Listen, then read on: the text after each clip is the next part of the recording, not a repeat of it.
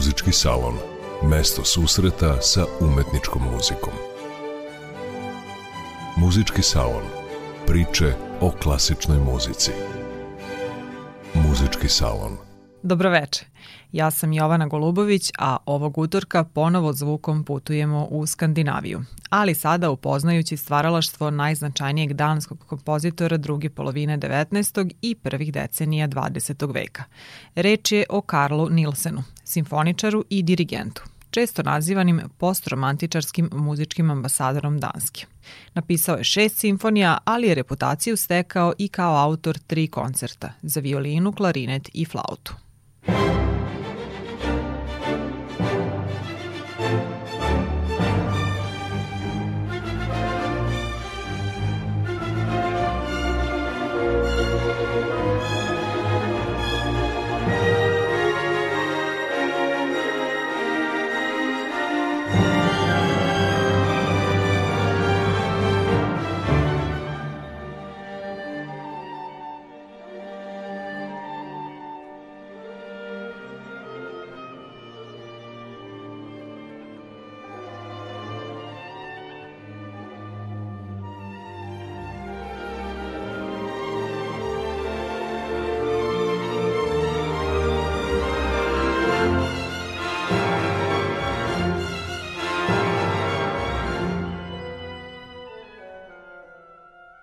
Čuli smo početak prve simfonije koju je Nilsen napisao kada je imao 26 godina.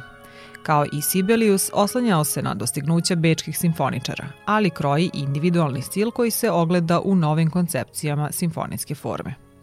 Ova simfonija premijerno izvedena u Kopenhagenu 1894. godine jedno je od prvih dela u istoriji muzike koje počinje u jednom, a završava se u drugom tonalitetu – Ona je već pokazala individualnost kompozitora i njegovu sklonost ka takozvanoj progresivnoj tonalnosti, odnosno složenom harmonskom jeziku kojim je obeležen kraj 19. i početak 20. veka. Publika je bila očarana novim delom, mada je kritika ocenila da je simfonija neujednačena i agresivna zbog svojih harmonija i modulacija – Pravo priznanje stiglo je tek nakon izvođenja u Berlinu 1896. godine. Ne slučajno. Nemačka je u to vreme bila centar muzičkog progresa. Nastavljamo da slušamo prvi stav prve Nilsenove simfonije u izvođenju Simfonijskog orkestra iz San Franciska pod upravom maestra Herberta Blomšteda.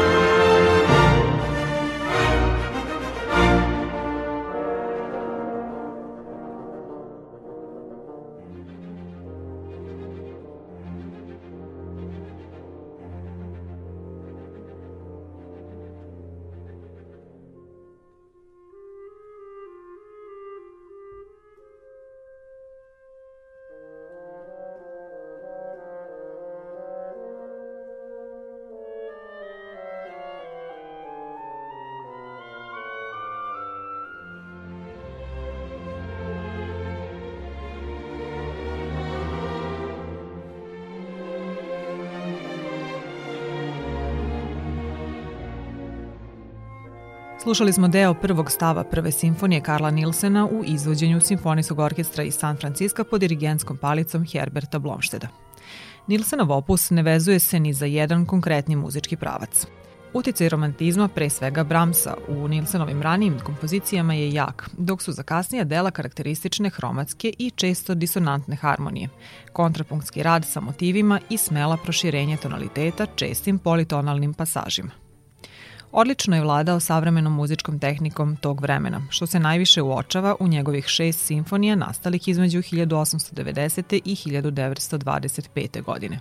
To su snažna dela koja karakterišu odlučne tonalne progresije, pa se u jednom stavu modulira tako da se čuje čitav opseg harmonije koje se ne odnose samo na jednu toniku. Nilsenove harmonije se ponekad kolebaju između dve ili više tonika i osim hromatskih imaju i modalne odlike. Takva vrsta harmonske napetosti je jedan od nagoveštaja potpunog sloma klasičnog tonaliteta i pred kraj 19. veka nije bila redka pojava, zašto je u velikoj meri odgovoran Wagner, a zanimljivo je da je Nilsen inače bio antivagnerianac. Taj impuls razaranja tonaliteta doveo je do stalnog preispitivanja osnove sonatnog oblika, a otuda i simfonije kao celine – kako su tradicionalni harmonski temelji oslabili, delom i zato što se čvrste harmonske veze teže čuju u proširenom vremenskom okviru kakav je karakterističan za pozni romantizam, Simfoničari su tražili nove načine objedinjenja ciklične forme kroz van muzičke zaplete i progresivnu harmoniju, uklapajući je u sonatnu formu u nekom slobodnijem tumačenju. Nilsen je ipak zadržao i isticao sukup tonaliteta kao pokretačku silu, ali je dosta eksperimentisao sa kontrapunktom i sukobljenim ritmovima. Svih šest simfonijskih ostvarenja tog kompozitora značajan su deo muzičke literature, ali se najviše izdvajaju druga, treća i četvrta, poznata i pod imenom Neugasiva. U njoj je želeo da muzički uhvati ideju o neugasivoj životnoj sili koja prožima celokupno stvaranje. U pismu prijatelju Nilsen je naveo da je u ovoj simfoniji nameravao da predstavi sve ono što osjećamo i mislimo o životu u suštinskom smislu te reči – Kako je zapisao, sve može biti uključeno u ovaj koncept. Slušamo početak četvrte simfonije u izvođenju Simfonijskog orkestra Frankfurtskog radija pod upravom Pava Jervija.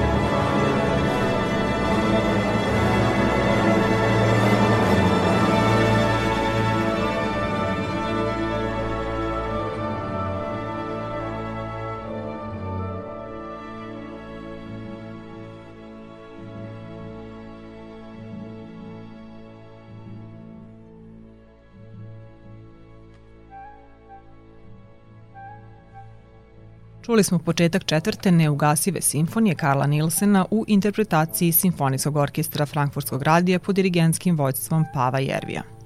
To četvorostavačno delo je nastalo i premijerno izvedeno 1916. godine. Proteže se kroz različite raspoloženje, ponekad mračna, ali na kraju ipak nudi razlog za nadu. Nielsen kroz ovo delo predstavlja svoju sliku neugasivih životnih sila u dva lika, odlučnom i lirskom, iako je odlučnost ta koja vlada. Danski kompozitor rođen je 1865. u mestu Sortelung na ostrvu Fin, odakle potiče i Hans Christian Andersen. Već sa 17 godina komponovao je prva dela, a sa 19 započeo studije na Kraljevskom muzičkom konzervatorijumu u Kopenhagenu. Nakon tri godine, nezadovoljan staromodnim muzičkim rešenjima svojih profesora, otišao je u Nemačku kako bi bio u centru muzičkog stvaranja. Ipak ostao je trajno vezan za Kopenhagen gde je sa prekidima bio angažovan kao violinista u dvorskom orkestru od 1886. do 1905. godine. Potom je šest godina služio kao kapelnik u Kraljevskom pozorištu, a od 1915. do 1927. bio je dirigent Kopenhagenskog muzičkog društva. Iste godine kada je angažovan kao dirigent, počeo je da predaje na Kraljevskom konzervatorijumu, gde je postao dekan neposredno pre smrti 1931. godine. Iako najpoznatijeg po simfonijskom stvaralaštvu, Karla Avgusta Nilsena proslavili su i koncerti – za violinu i orkestar, flautu i orkestar i klarinet i orkestar. Premijera flautističkog koncerta bila je 1926. u Parizu i izazvala je pozitivne komentare publike i kolega, među kojima su bili i Ravel i Honegger. Koncert se smatra vrednim doprinosom literaturi za ovaj instrument koji je efektno predstavljen. Delo se izdvaja raznovrsnom orkestracijom kojim je odlično dočarao kako dramatične momente, tako i elemente humora. Slušamo ga u izvođenju Emanuela Paija i Simfonijskog orkestra Japanske državne televizije iz Tokija pod upravom Pava Jervija. Thank you.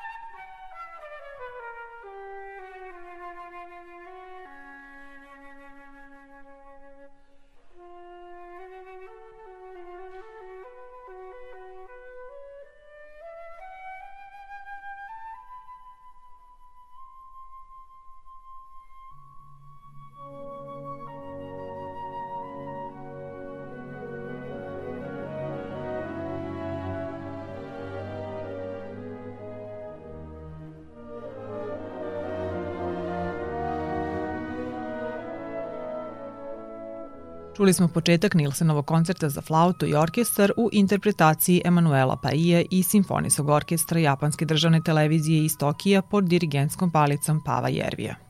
Pre nego što zaključimo emisiju posvećenu danskom najistaknutijem kompozitoru, pomenut ćemo još neka dela zbog kojih je priznati i izvođen daleko van granica svoje zemlje opere Saul i David, Maskarada, orkestarska fantazija Pani Sirings, uvertira Helios, četiri gudačka kvarteta, dve violinske sonate, duvački kvintet, horska i klavirska dela. Posebno su cenjene njegove solo pesme zasnovane na danskoj narodnoj tradiciji. Za kraj vraćamo se na početke kompozitorovog stvaralaštva. Malu svitu za gudače, u kojoj dominira skandinavski romantizam Griga i Svencena, Nilsen je pisao kao 22-godišnji student kompozicije – Delo je na premijeri u koncertnoj dvorani Tivoli u Kopenhagenu 1888. godine doživelo veliki uspeh. Muzička kritika je bila podeljena, ali oni koji su kompoziciju ocenili pozitivno, prirosetili su da će vremenom postati i ostati jedna od najizvođenijih autorovih dela. Malu svitu za gudački orkestar slušamo u izvođenju ansambla Muzika Vite pod dirigenskom palicom Vojčeha Rajskog. Do naredne emisije pozdravljaju vas ton majstor Damjan Šaš i Jovana Golubović.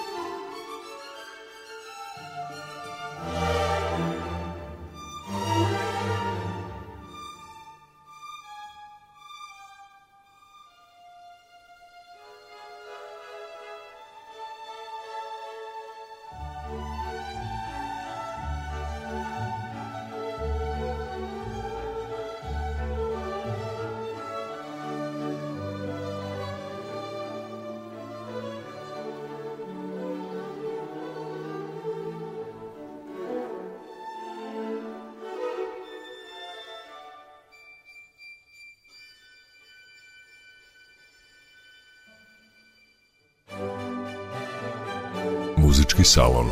Mesto susreta sa umetničkom muzikom. Muzički salon. Priče o klasičnoj muzici.